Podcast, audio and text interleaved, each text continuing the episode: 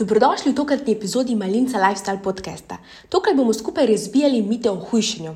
Ali veš, da je lahko solata s piščancem v času hujšanja popolnoma zgrešena jed? Zakaj je tako in koga sem danes povabila v goste, pa izveš po vodni špici. Dobrodošli v podkastu Malinca Lifestyle. Gre za mesto, kjer govorimo o tematikah, ki so pomembne za zdravo, dolgo in srečno življenje. Mesečno bom s tabo delila ideje, nova znanja, izzive in navdihe za spremembe na mnogih področjih. Od gibanja in športa, prehrane, osebne rasti in vse do varovanja okolja. Naj se tokratna epizoda prične. E, en lep pozdrav, danes je z mano Mojca Cepuš, uh, za katero verjamem, da jo mnogi od vas že poznate, za tiste, ki pa mogoče še ne, je na te bom čisto hitro predstavila, preden začneva. In sicer uh, Mojca je priznana svetovalka na področju prehrane, hujšanja in certificirana nutricionistka z profesionalno se s prehrano ukvarja že več kot 14 let in predvsem pomaga ljudem na področju izgube odvečnih kilogramov in pri izboljšanju prehranjevalnih navad. Med drugim tudi izobražuješ podjetja in svetuješ podjetjem in tudi naši ekipi, tudi točno danes po našem, našem intervjuju, imamo eno izobraževanje s tabo in se ga že ful veselimo. Današnja tema, ki smo jo izbrali, je res taka najbolj in, eh, in skozi aktualna in sicer je to tema hujšanja. Odgovarjamo na vprašanja, na katere ste v bistvu postavili vi, na naše maile, na naše družabna omrežja. Še pred, pa bi mi začeli odgovarjati na vprašanja, ki ste jih postavili, pa bi te sam prosil, če nam na kratko poveš, točno s čim se ti ukvarjaš. Ja, seveda. Um, ukvarjam se predvsem s prehranskim coachingom. To pomeni, da neka oseba, ki želi shujšati, pride k meni na posvet, potem se dogovorimo, kaj ima rada, če se ne mara, jaz sestavim jedilnik. Okay. Jedilnik je vedno slasten, seveda učinkovita, ja. ampak vedno slasten, zato da se bo lahko ta oseba držala potem tega jedilnika. In potem se tedensko srečujemo, Aha. kjer pregledamo, kaj so jedli, kakšen je rezultat, sproti popravljamo, in potem pride do težav, kot naprimer, joj, jutri ima pa moja tašča rojstni dan, kaj lahko jem, ja. ali pa mogoče se reči izognem tega dogodka, torej kaj narediti. In potem takšne težave rešujemo sproti. Um, zelo veliko je tudi srčno-žilnih obolenj um, recimo povišen holesterol, metabolni sindrom, um, povišen obseg trebuha, to se vse rešuje lahko uh mhm. -huh. lepo z dieto. To je en del, drug, del drug del je pa sodelovanje s podjetji, okay. um, podobno to, kar um, tudi mi ne, počnemo skupaj. Okay. Ja. Tako se pravi izobraževanja na področju, pač karkoli podjetje želi. Lahko so to sestava specifičnih jedilnikov za različna delovna mesta, uh -huh. um, lahko je to recimo izobraževanje v večji storilnosti na delovnem mestu, promocija zdravja na delovnem mestu, seveda, okay, absolutno. Okay tudi za podjetje je dobro, ker si lahko da to stroške. Um, in um, pravi, zelo različno. Um, sodelujem pa tudi s Sava hoteli, mhm. um, kjer v njihovih hotelih pišemo specifične jedilnike za recimo določena bolezenska stanja. Ali pa tudi samo damo boljšo, bolj zdravo ponudbo ja. za bolj zahtevne goste, ki pač grejo radi ja. um, na dopust in ne pridobiti kilograma na dopust. Pa je veliko tega, uh, da prihajajo tisti ljudje, ki imajo tudi mogoče kakšne alergije ali pa intolerance. Se mi zdi, da pri nas je vedno več teh vprašanj na to temo. Seveda, um, veliko je ljudi, ki imajo intolerance, um, je treba pa ločiti, kaj pomeni intoleranca, kaj pomeni alergija. alergija. Vendar to iz prehranskega vidika ni tako zahtevno. Okay. Je seveda nek šok, ko človek zvede, ima neko neko diagnozo, mm. vendar ko se nauči, kako jesti, katera živila izločiti iz prehrane, je potem to dosti preprosto, pravzaprav, in se lahko čisto lepo, kvalitetno živi naprej. Super. Hvala za tvojo predstavitev. Jaz predlagam, da mi da začnemo z vprašanjem. Deva. Deva. Prva, najbolj klasična vprašanja, katera dieta je najbolj učinkovita? Okay. Um, obstaja eno vprašanje, ki si ga mora oseba zastaviti, preden se loti hujšanja. Spravi, pred sabo imaš neko dieto in potem si mora zastaviti vprašanje. In to je, ali se bom lahko tega držal celo življenje. Okay. Okay. Če odgovor ne, je to za nič dieta okay. za tebe. Če odgovor, o, super, tako bi lahko jedla celo Skoro. življenje, potem je to pravilna in primerna dieta za to osebo. In to je glavno vprašanje. Aha, Ker če um, pogledamo, se pravi, neko dieto, kjer so recimo vem, tri jajca, pa malo špinače, in si misliš, ok, dva meseca, en mesec bom mhm. zdržala, potem pa uf, gremo nazaj na kruh na sladice, ja. potem um, absolutno se bo vrnil tudi stari kilogrami. Ja. Kaj pa za hujšanje je pomembno, da je nek uh, kalorični deficit in kaj pravzaprav to pomeni? Si reče, ja, če hočeš skušati, pa moraš, vem, tisoč kalorij manj pojesti. Ja, za hujšanje je pomemben kalorični deficit. En kilogram je približno 7000 kalorij. Torej, 7000 kalorij um, moraš pojesti manj, če želiš izgubiti en kilogram. Kar potem v praksi nekako prenesemo v to, da poješ 1000 kalorij manj v dnevu in to bo v enem tednu rezultiralo v minus en kilogram. Uh -huh. Ampak naše telo ni nek matematičen stroj, veliko krat tudi um, deficit kalorični ne pripomore k hujšanju ali pa ni tako učinkovito, telo se navadi na, nižen, na nižji Aha. kalorični vnos, metabolizem se upočasni, tako da ni to edina stvar. Je seveda Aha, okej. težko boš hujšal s 5000 kalorijami na dan, Ja, um, tudi športom jih težko toliko pokuriš. Um, tako da ja, kalorični deficit je nujen, vendar je treba upoštevati še druga pravila. Kdaj se kaj je, kako so obroki sestavljeni, Okej. koliko makronutrientov, razmerja, kdaj boš jedel beljakovine, kako bo krožnik sestavljen. Vse to vpliva na to, da se metabolizem ne upočasni.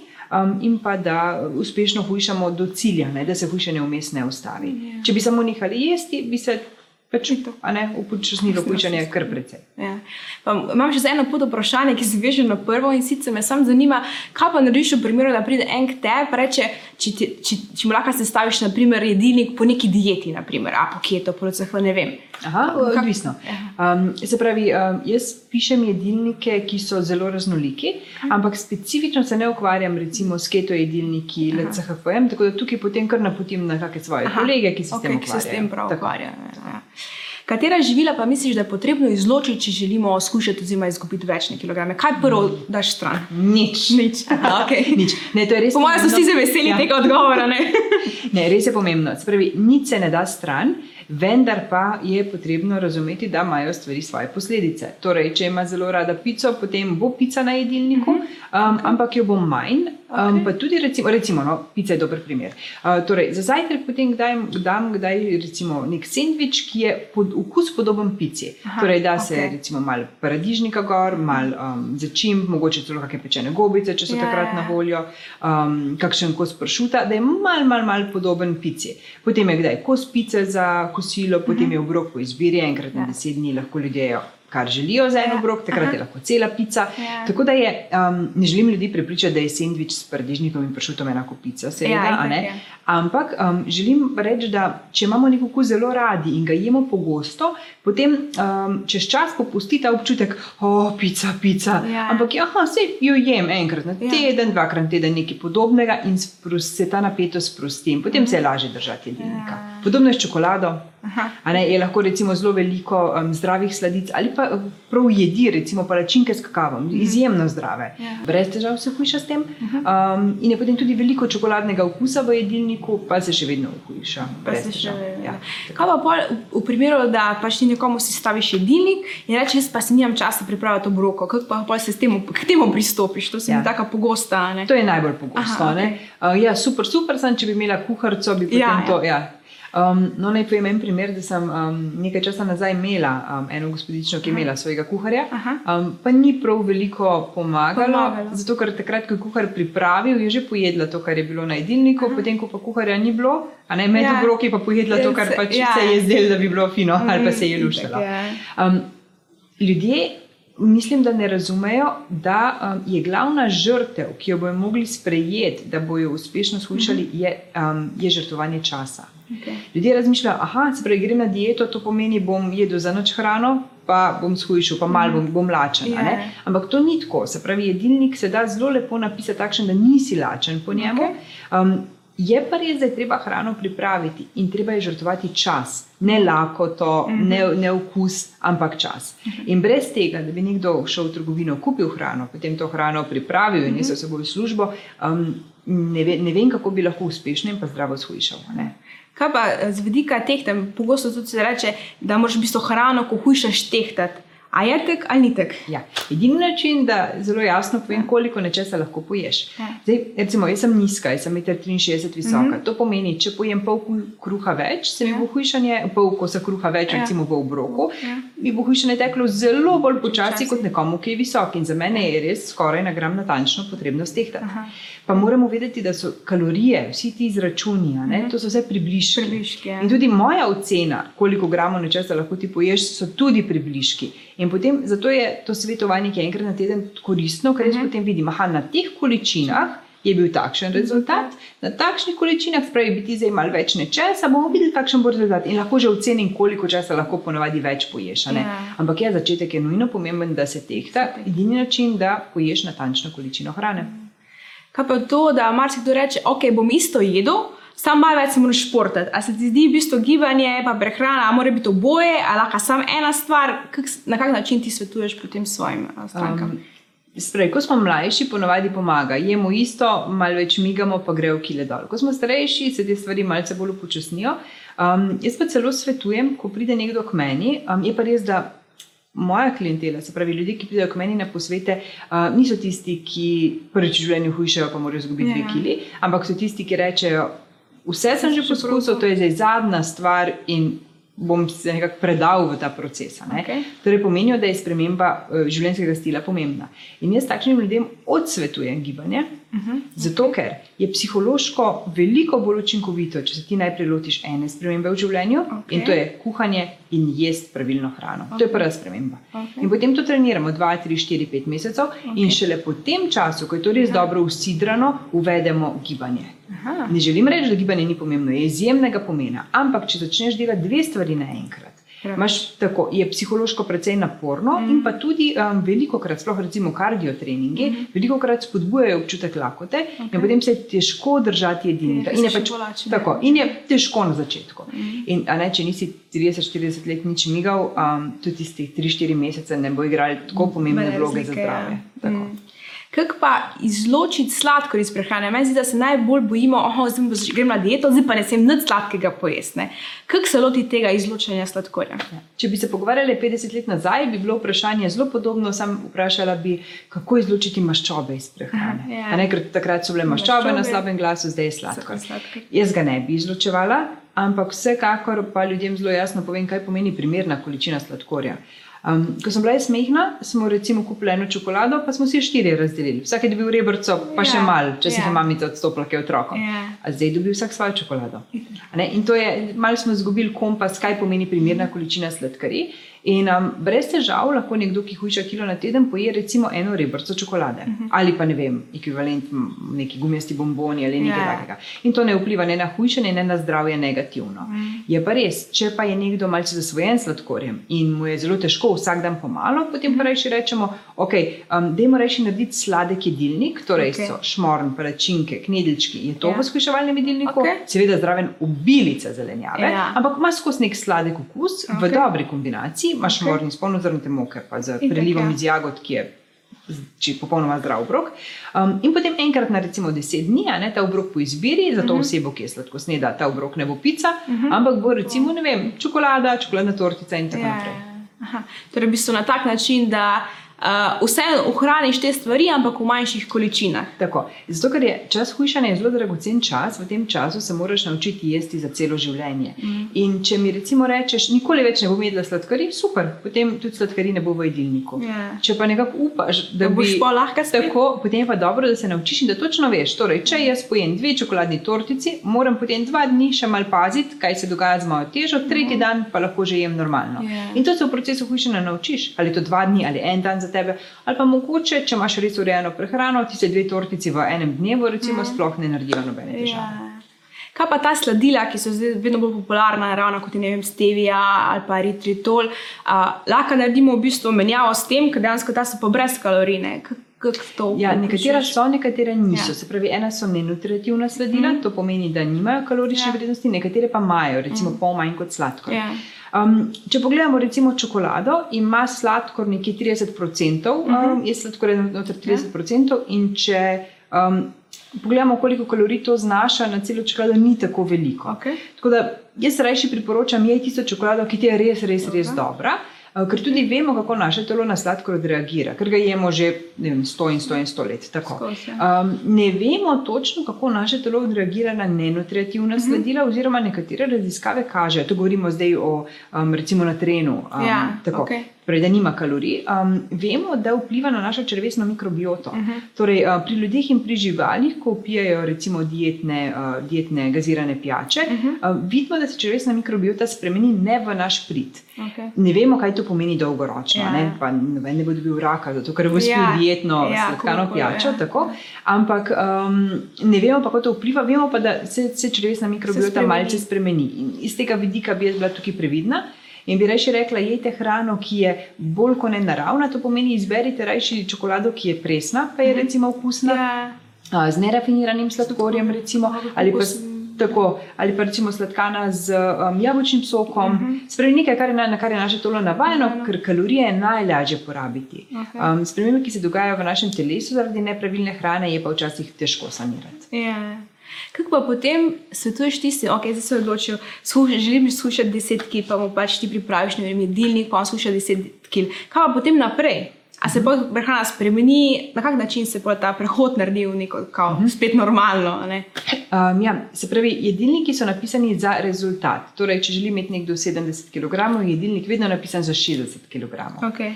Ne zato, ker želim, da bi imela oseba 60 kg, ja. ampak zato, da se jih hujšanje ne ustavi. Okay. In potem je med hujšanjem pomembno se naučiti principa prehranjevanja. Torej, kdaj se kaj je, kako mora biti krožnik sestavljen, koliko časa mora biti na krožniku, nauči se, koliko prekrškov na teden imaš lahko za ja. vzdrževanje teže. Ampak principi morajo biti zelo podobni. Nikoli več se ne moreš vrniti nazaj na staro prehranjevanje. Um, v sklopu mojega dela pa imamo vzdrževalne programe. To Aha, pomeni, okay. da prej se vidimo enkrat na teden, potem okay. se vidimo enkrat na mesec, potem cool. se vidimo na tri mesece, potem na Aha, pol leta super. in potem se vsem še slišmo. A je v mhm. redu, ni v redu. Ja, um, to je v bistvu nek tak mehek prehod, ampak vseeno dejansko treba spremeniti neke prehranjevalne navade dolgoročno, ne samo ja, ja, za, za, za tisto obdobje. Ja, to, to, to, to je po mojem pri večini pa ti smal. Ja, ja, ampak vse ja. se mi zdi na tak način, da res dejansko vključuje stvari, ki jih imaš rad, pomalem, ja. pa da vse tisto ne izločiš čisto iz prehrane, ja. da res tiste ni tiste full spremembe iz ja. danes na jutri veliko lažje. Ja, ja, ja, je bistvena stvar, ki učim študente, ki upravljajo prakso pri meni, mm -hmm. jedilnik mora biti seveda učinkovit, brez tega ja. se sploh ne pogovarjamo, Itak, ja. ampak mora biti slasten. Ko ga vidi oseba, mora biti tako, mmm, se ja. veselim, da bom to jedla. Ja, ja. uh, Zelo predlagam, da se morda malo dotaknemo maščob. To včasih veljalo, da ja, maščobe so fulne zdrave, spohni ne smeš čisti izločiti prehrane, zato maščob se redimo. Um, kaj je res? Maščobe imajo veliko kalorično vrednost uh -huh. in med hujšanjem jih je dobro omejiti. Razen če smo na ketonski dieti, potem ne, potem moramo ja. jesti pretežno maščobe. Ja, tako. Um, tako da ja, je pomembno, da jih omejimo. Um, tudi alkohol, recimo, sicer je popolnoma druga struktura, ampak alkohol ima tudi zelo veliko kalorij uh -huh. v mhm. primerjavi z ugljikovimi hidrati uh mhm. -huh. oziroma beljakovinami.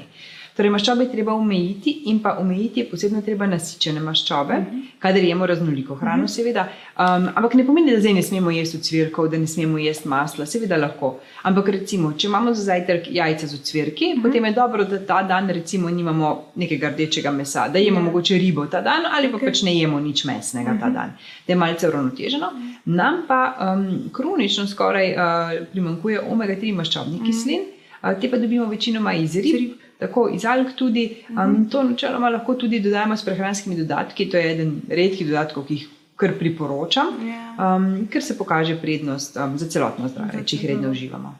Kaj pa te maščobe, ko si rekel, imaš tako poveš primer, kjer so nasičene, pa je nasičene, da bodo mogoče bolj gledalci ja, razumeli. Ja, torej, um, nasičene maščobe so tiste, ki so trde, torej mast, maslo, um, potem recimo kokosova maščoba. Uh mhm. -huh. Nenasičene so tiste, ki so tekoče, olivno okay. olje, bučno olje in tako. Potem se sicer še delijo, ampak je to okay. že mogoče prekompleksno, ja, ja. jaz zdaj le. Um, kar je pa pomembno, da je za toplotno obdelavo dobro uporabljati trde maščobe, okay. ker ne razpadejo na vročini. Okay. Torej, um, mast svinska je odlična za toplotno um, uh. -huh. obdelavo hrane. Ja. Torej, kokosova maščoba tudi. Um, za bolj, kako rekla, mlačne jedi ali pa hladne, so pa boljša potem olja. Ja, Sem, da, tako, tako. Ampak recimo olivno olje ja. je popolnoma primerno za peko, mm. ima visoko točko dimljenja in Aha. brez težav ga tudi segrevamo. Se Ampak če ga zadimimo, potem smo ga že. Pobikseli. Kaj pa reče si, da imajo maščobe veliko kalorij? Ali boš tam povedala, koliko ima ne, na gram maščobe, koliko ugljikovih hidratov, mm -hmm. koliko beljakovine? Torej, en gram maščobe Recimo ena žlička, če si uh mhm. -huh. predstavljaš, ena žlička ima približno, velika, pardon, velika jušna žlica ja. ima približno 10 gramov uh -huh. Tako maščobe. Ja. Torej, to je skoraj 100, 100 kalorij. kalorij ja. torej, en gram maščobe ima 9, gra, ima 9 kalorij, en gram ugljikovih hidratov ima 4 kalorije, tudi beljakovine imajo podobno, um, mhm. alkohol ima pa 7. Aha, tako. Okay. tako da v bistvu grejo tako, najmanj imajo prehranske beljakine, ki niso ki jih telo naše ne more mhm. izkoristiti, pa so ugljikovi hidrati, beljakovine, alkohol in pa maščoba. Kaj pa ta mit, da ne smemo jesti ugljikovih hidratov, če želimo skušati? Joj, to pa, pa sadje ne smemo. Ne, ja, ja, ja, ja, ne, to je seveda, um, no tako je v resnici. Ta mit izhaja iz tega, um, ker če jemo mi beljakovine, beljakovine potrebujejo zelo veliko energije za to, da se lahko prebavijo in da jih lahko, da jih lahko presnovimo. In um, zato je efektivno nekako, če imamo 100 kalorij iz nekega mesa, bomo mi uporabili mogoče samo, bomo imeli na voljo samo recimo 70% teh kalorij za vse, kar Ja. pač ostalo bo šlo v prebavo. Pri ugljikohidratih ni tako, ne? pri ugljikohidratih nam ostane več kalorij, ker je telo manj potrebuje Ja. za prebavo. In iz tega izhaja, da je pač ugljikovi hidrati, da bolj redijo od beljakovin. Vendar ni popolnoma tako, ugljikovi hidrati nam dajo energijo in energijo moramo porabiti. Torej, treba oceniti, če cel dan sediš, porabiš manj, kot če delaš v rudniku, a ne? potem Ja, potrebuješ več. Tako. Um, je pa ena zelo velika napaka, ki jo delajo ženske in sicer v želji po zdravi prehrani in hujšanju jejo za kosilo solato s piščancem, ker je to dietno, a ne? kar je res in to je težava, ker čez dan potrebuješ hrano, ki ti da energijo. Okay. In solata s piščancem nima velike energije uh -huh. in je to v bistvu dokaj prazna hrana, tudi um, nima veliko mikroelementov, vitaminov, mineralov, ni prav veliko, razen če je vrhunsko zastavljena salata, kar Ja. ponavadi ni. Um, in potem nam zvečer zmanjka. Manjka, In kaj se zvečer zgodi? Neki, neki se mi lušta, Ja. in potem se izropa hladilnik, in se večino kalorij poje v večernem Okej. uh, dne, uh, delu dneva, kar je potem res težava, in s tem res pa pridobivamo težo. Kaj pa bi ti vem, priporočila za neko tako kosilo za ženske, ki želijo shujšati? Okay, se pravi, karkoli. Um, lahko so testenine bolognese, uh Mhm. -huh. ampak je potrebno imeti potem polno zaradi testenine, odmeriti porcijo, Količino, ja. Tako, odmeriti porcijo mesa, uh -huh. potem pa zraven pojesti še juho in solato. Okay. In potem tudi, če je recimo, ta porcija testenin manjša, recimo, to res ni veliko, to je ena Ja. skodelica, Ja. je prej, ker je bila zelenjavna juha in ker je solata zraven, smo siti. Ja. In čez tri ure moraš tako in tako spet jesti, ker pri hujšanju je pet obrokov zelo učinkovitih. Aha, okej. Tako, in zdržiš, ne, brez težav. In še prednost tega je, imaš dovolj energije, nisi zaspan, nisi utrujen, Mhm. ker je bila to majhna porcija, ki ni preveč obremenila našega želodca. Koliko pa ti svetuješ, da sploh zdravo, da bi na teden izgubili uh, kilogramov? Poprečje vseh mojih klientov je 0,8 kg. Aha. Tako? Um, to je poprečje moški in ženske skupaj. Okay. Moški hujšajo hitreje, tudi kilo Aha. po pol na teden, ženske, če hujšajo kilo na teden, je to zelo lep Aha. rezultat. Okay. Zato pa misliš, da je to? Uh, obstaja veliko razlogov. Aha, Um, okej. Eno je, se pravi, čist, kakšno je, kako je telo zasnovano, moški imajo več funkcionalne mišične mase. Um, potem tudi pristop je malo drugačen, ponovadi ženske kuhajo, pripravljajo, imajo manj časa. Um, to, Ja. a ne? Uh, moški pa samo poje, kar je pripravljeno, moški so tudi višji, ponovadi, več imajo časa za aktivnosti, ogromno dejavnosti. Malo je hormonsko ravnovesje tukaj pomembno, Ja. um, veliko, veliko dejavnikov. Pa če se še lotimo malo hujšanja pri otrocih, kako se pa lotiti? Ne Vem, ena stranka da konkretno vprašanje, kaj narediti, ko ima 12 let starega sina, ki tehta 72 kg. Kako se lotiti tega pri Je otrocih? Zelo podobno kot pri odraslih, s tem, da pri, odra, pri odraslem človeku lahko neko stvar zracionaliziraš. Torej, um, če boš počel to, bo takšen rezultat in takšne bojo posledice.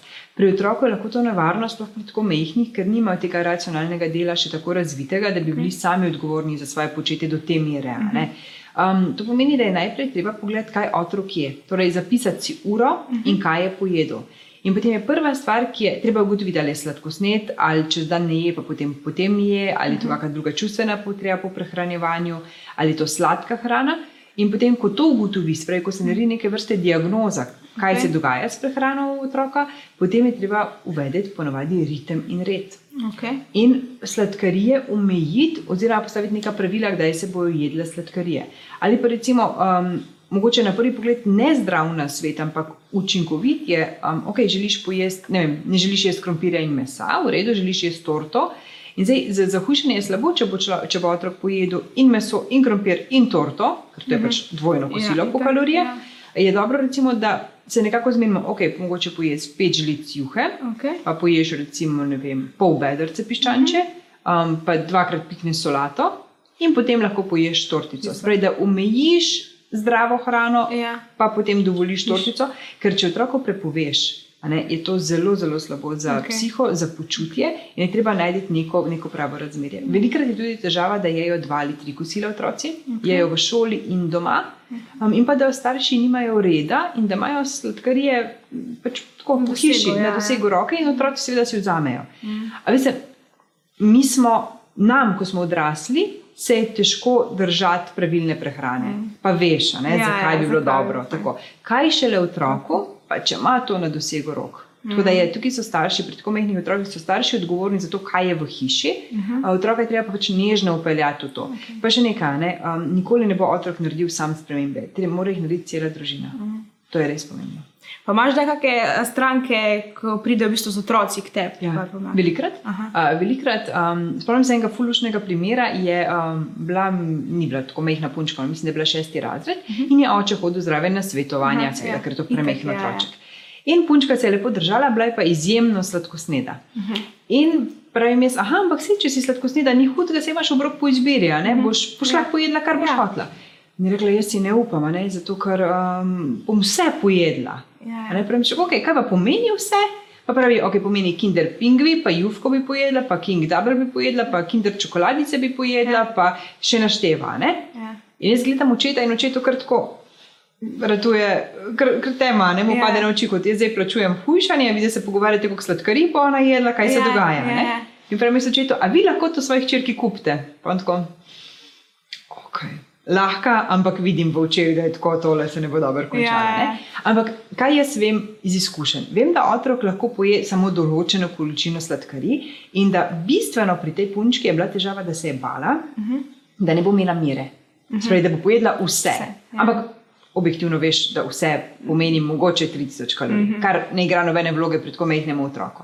In se mi dogovorimo, da bo pojedla zdrav zajtrk, mm -hmm. zdravo malico in na mesto kosila bo pojedla vse. Mhm. In potem prije čez en teden, um, in si tudi povem, da to verjetno ne bo vplivalo na hujšanje, -huh. uh, če pa bo, bo mogoče pol kilca manj zhušalo, ampak -huh. nič hudega, bo potem naslednji teden šlo dol in tako. Ja. ne, da je bila pomirjena.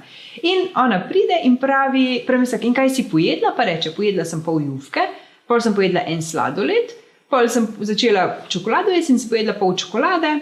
Pravi se, ja, in pravi, ja, no, vem, pa sem bila pasita. Mm. In pravzaprav ta njen strah, da bo basala hrano vase, je bil dokaj neosnovan. Mm -hmm. Videla je, da zato, da se počuti popolnoma, popolnoma sito in zadovoljeno, potrebuje mm -hmm. v bistvu niti ne tako zelo veliko nezdrave yeah. Ja, hrane. Yeah. Ja. In čez čas smo lahko ta obrok po izbiri omejili na en sladoled. Yeah. Ja ali pa na pol čokolade. Ja. Da, na, na tak način je treba z otroci delati. Počasi. Počasi kako je pa tvoje mnenje glede predelane in nepredelane hrane, kako so sestavljeni, naprimer, jedilniki? Vse je nepredelano. Aha, okay. pravi, hrana mora biti popolnoma nepredelana. Zdaj, tudi stenine, seveda, so že ja. predelane, ja, pa so vseeno polno zrnate, mhm. popolnoma mm. v redu. Ampak bolj, ko je hrana nepredelana, zmanjkuje aditivi, okay. boljša je za nas. Okay. Torej, izogibamo se vsakršni koli predelani hrani. Je pa res, recimo, da nekdo umira za pašteto. Yeah. Ja. In da ima rad prav specifično neko pašteto. Jo pač damo v jedilnik, okay. pa rečemo, ni zdravo, ampak za tvojo dušo, ker hujšanje je celosten yeah. Ja. proces, mm. tu zadovoljni moramo biti. Okay. Lahko pač poješ nekaj, kar je objektivno nezdravo, ampak um, dobi zraven, recimo, še ne vem, pa rezin paradižnika, mogoče eno kumrco in na ta način pravimo potem uravnotežiti nekaj, kar je pač tukaj nezdravo. Ja. Podobno kot sladkarija. Ja, ja, na isti način. Ja. Uh, kaj pa? Ne, pogosto se reče, da je fajn, preden se lotiš nekega hujšanja, narediti nek detoks telesa, se razstrupiti. Kaj nas svetuješ? Je to res pametno ali na kakšen način se loti tega razstrupljanja oziroma detoksa telesa? Ja. To, je, um, to mi je zanimivo, ta logika. To se pravi, nima nobenega smisla, yeah. Ja. ampak vem, je zelo prisotno, ljudje me to velikokrat sprašujejo. To so dve čisto ločeni stvari. Eno je, če greš na detoks, detoks v smislu posta, eno je, če mhm. greš hujšati. Sej rezultat je lahko podoben, ampak pristopi so drugačni. Torej, hujšanje samo pomeni neke vrste razstrupljanje, ker ko mhm. se bojo maščobne celice porabljale v energijo, se bodo tudi razni toksini iz telesa sproščali. Čez zrak, ki ga dihamo, ne, čez blato, čez vodo, čez pot in tako. In to je pač naraven detoks, ki ga upravljajo naši notrni organi. Da to pospešimo, lahko recimo pospešimo potenje, lahko se gibamo, lahko um, jemljemo recimo um, jemo hrano, ki ima malce odvajalni učinek, recimo zeleno lahko jemo malo več. Ampak vse načeloma je to zelo naraven proces in ne potrebujemo, da mi nehamo jesti, ne, okay. da bi začeli hujšati. Druga stvar pa je, če se iz nekih zdravstvenih um, težav, recimo ali pa iz preventive, odločimo za post. Okay. Um, to je bolj, bi temu lahko rekli, pravilen detoks. Uh -huh. uh, to pa pomeni, da moramo se pri, primerno pripravljati. En teden traja približno priprava, uh mhm. -huh. potem teden, dva, tri, štiri, koliko se odločimo, ne jemo, uh mhm. -huh. pijemo samo lahko vodo ali pa prevredke, zelenjavne, sadne uh mhm. -huh. sokove in tako majhne količine, seveda. Uh -huh.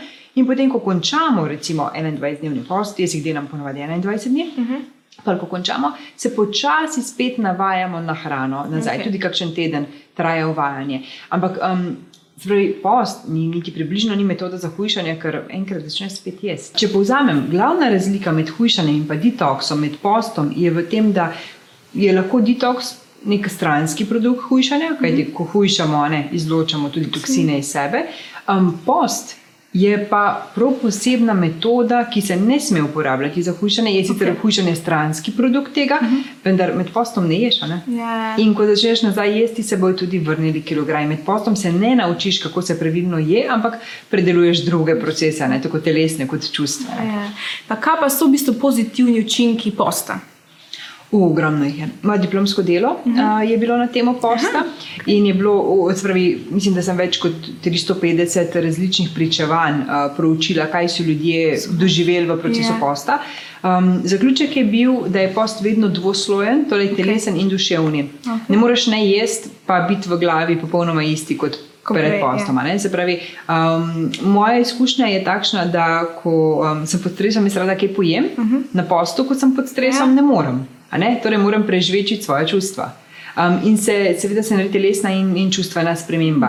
Um, zdaj, zelo pogosto se pritisk uravna, potem uh -huh. se določena vnetja se uravnajo, vid se izboljša, um, razne avtoimune bolezni se lahko izboljšajo. Ampak to je res, res specifično. Um, nekako na molekulskem nivoju um, bi pa lahko rekli, da se odvijajo procesi avtofagije malce bolj um, pospešeno. To pomeni, avtofagija pomeni samo žrtje, pomeni, okay. da telo takrat, ko pride v stres, ker ni hrane, ker uh -huh. post je dejansko Ja. stres za telo, um, takrat naše telo reče: ojoj, ni hrane, od nečesa moram živeti. Uh -huh. Zdaj, če se ti recimo teden dni na postu kot glavni vir energije že kuriš maščobo, ne več mišične, uh -huh. mišičnega uh, tkiva in pa ne več glikogena, ker ga nimaš. Um, In uh, v tem procesu telo potem tudi lahko poje razne organele, potem kakšne ostanke celic, ki še mm. mogoče so na pol mrtve, in lahko tudi vsa ta neka tkiva reciklira. Mm -hmm. Torej je manj deljen celic, in če se celice manj delijo, se telomeri manj krajšajo. In nekako pri živalih vidimo, da um, živalim, ki damo manj hrane, ki kalorično jejo, manj živijo dlje. Pri ljudeh še ne vemo, ne, popolnoma, Ja. kako to je, ker ne moramo ljudi zapreti v kletko za Ja, itak, a ne ja. sto let, pa videti, kaj se zgodi. Um, ampak nekako rečemo, da post preventivno vpliva na razna kronična obolenja in pa da naj bi um, podaljševalo življenje. Torej, v bistvu ti pa priporočaš ena, dva izdnevni post, recimo ti te Ne, izvajaš, ne, ne, ne, ne, a ne, bi se pravi, to, je, to se jaz odločim. Aha, Aha, toliko, okej, to je meni okej. osebno najboljše. Um, drugače je treba za post se pogovoriti s terapeutom za post. Okej. Jaz to nisem, sicer sodelujem z Marjanom Vidaškom, ki um, je terapeut za post. Okej. Ampak um, post je dokaj, kako bi rekla, osebna zadeva. Um, ni nujno, da je to nadzorovano, je pa fino, da si ljudje prej kaj preberejo, Okej. um, da vejo, kaj jih čaka, ne, da bojo Ja. yeah. mogoče vzponi in padci, da imaš lahko več energije, lahko imaš pa tudi manj. A ne, lahko greš v postno skupino. Um, je pa to zelo starodavna metoda, živali recimo ne jejo, Ja, ja, ko so ja. bolane. v ogromno um, različnih kulturah po svetu in v preteklosti in zdaj imamo poste. Spravi, to ni nič nenavadnega ali novega, to je pač Ja. naraven proces. Tudi ko smo bolani, ne, nam ne Ne, paše jesti. pa ne, Tako, ja. tako. Koliko pogosto opanjem? Ti osebno izvajaš poste? Odvisno, zdaj sem uh, zadnje dve leti um, bila noseča, uh -huh. um, rodila in tako. Ja. Um, tako da v tem času um, nisem, ne, seveda. Uh, prej pa sem približno enkrat na leto ali okay. na dve leti, bolj po potrebi. Po- 21 dni je nekako. Se meni zdi, da meni to najbolj paše. A Bi pa odsvetovala e, e, dvodnevni ali trodnevni post. Okej. Kajti um, proces kurjenja um, naših tkiv je pač določen z našo kemijo. Ja. In uh, prvi dan, ko gremo, ko nehamo jesti, kurimo glikogen, torej okay. to hrano, ki smo jo pojedli in spremenili v zalogo energije uh -huh. v telesu, torej sladkor.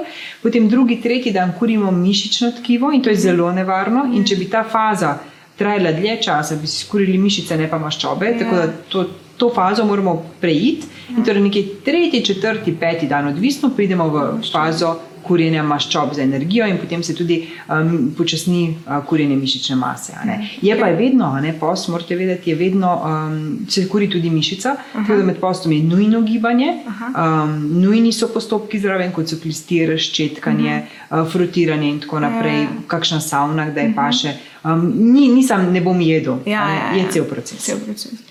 Okay, uh, zdaj za na konec imamo še pa, bi se malo dotaknili teme prehranskih dopolnil in sicer me zanima v času hujšanja, katera prehranska dopolnila svetuješ, oziroma če obstaja kaj, ki bi pospešilo hujšanje. To se zelo pogosto. A imate kaj, da bomo ja. hitreje hujšali? Um, joj, ne. Ne. ne. Je pa res, da določene stvari lahko pomagajo. Okay. Ena takšna stvar, ki jo uporabljamo vsak dan, je kofein. Uh -huh. Ne lahko v obliki kavice, lahko v obliki kakšnih drugih preparatov, uh -huh. ki vsebujejo -huh. kofein, tako da to, to lahko pomaga, uh -huh. uh, ker nam malce, um, kako bi rekla. Um, zakrije občutek lakote. Okay. In pa da nam tudi malce več energije, čeprav kofein pravzaprav ne daje energijo ampak se veže na receptore za adenozin v naših uh, možganih, torej prelisiči naše telo, da nismo utrujeni, ne, ja. ne da nam pa dodatne energije. energije ja. Zato potem, ko kava popusti, smo spet, ja. smo spet zelo ja, utrujeni. Ja. Tako da recimo kofein ali pa um, rdeča pesa. Uh mhm. -huh. Rdeča pesa da tudi veliko energije, uh -huh, sploh če se ukvarjamo s športom zraven, uh -huh. potem nam lahko pomaga, da naredimo boljši trening. Okay. Um, potem lahko pomaga magnezij za malce boljšo regeneracijo, uh -huh. okay. uh, ker seveda, če migamo in hujšamo, se moramo dobro regenerirati regenerira, da bomo drugi dan spočiti. Um, ampak iskreno, ne, da bi rekla, vzem to tabletko in boš hujšal pol kile hitreje, ja. ne obstaja. Ja. Um, je pa res, da ta čas, ko hujšamo, moramo paziti na to, kaj jemo, da bomo s hrano zadovoljili naše potrebe po mineralih in vitaminih. Um, kaj svetujem popolnoma vsem, ali hujše ali ne, je naj si dajo pregledati vitamin D.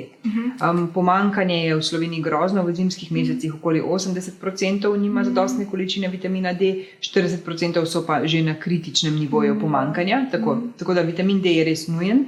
Um, in ima tudi, seveda, vpliv na to, kako mi hujšamo, ampak ne pa zdaj neposredno. Ja. Ne? Um, pa omega-3 maščobe nam lahko pomagajo, zato ker um, maščobe malce umejimo, rib ne mhm. jemo vsak dan. Tako, tako da je mogoče omega-3 smiselno dodati, ampak ne konkretno, ker bomo hitreje hujšali, ampak ker bomo podkrepili telo, tako da se bomo počutili dobro, da bomo lahko dobro potem se držali jedilnika. Uh, super, uh, hvala za vse tvoje odgovore. Jaz mislim, da je bilo res zelo poučno, da sem dobila tudi sama veliko uh, novih informacij. Uh, hvala in se veselim na naslednjih pogovorih. Tudi jaz, hvala lepa.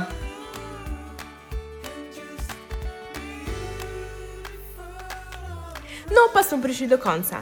Verjamem, da ti bo kakšna od informacij prišla prav na tvoji življenjski poti. Če imaš kakršno koli vprašanje ali predlog, mi lahko vedno pošlješ na moj e-mail nastjafnamalinca.si ali pa na zasebno sporočilo na Instagram malinca nastja. Ne pozabi stisniti subscribe, da ne zamudiš naslednjih epizod. Zelo vesela pa bom tudi tvoje ocene in mnenja pod to podcast platformo. Tako lahko pomagaš, da bo ta podcast prišel na hod tudi drugim poslušalcem. Imej lep dan in se slišiva spet k malu.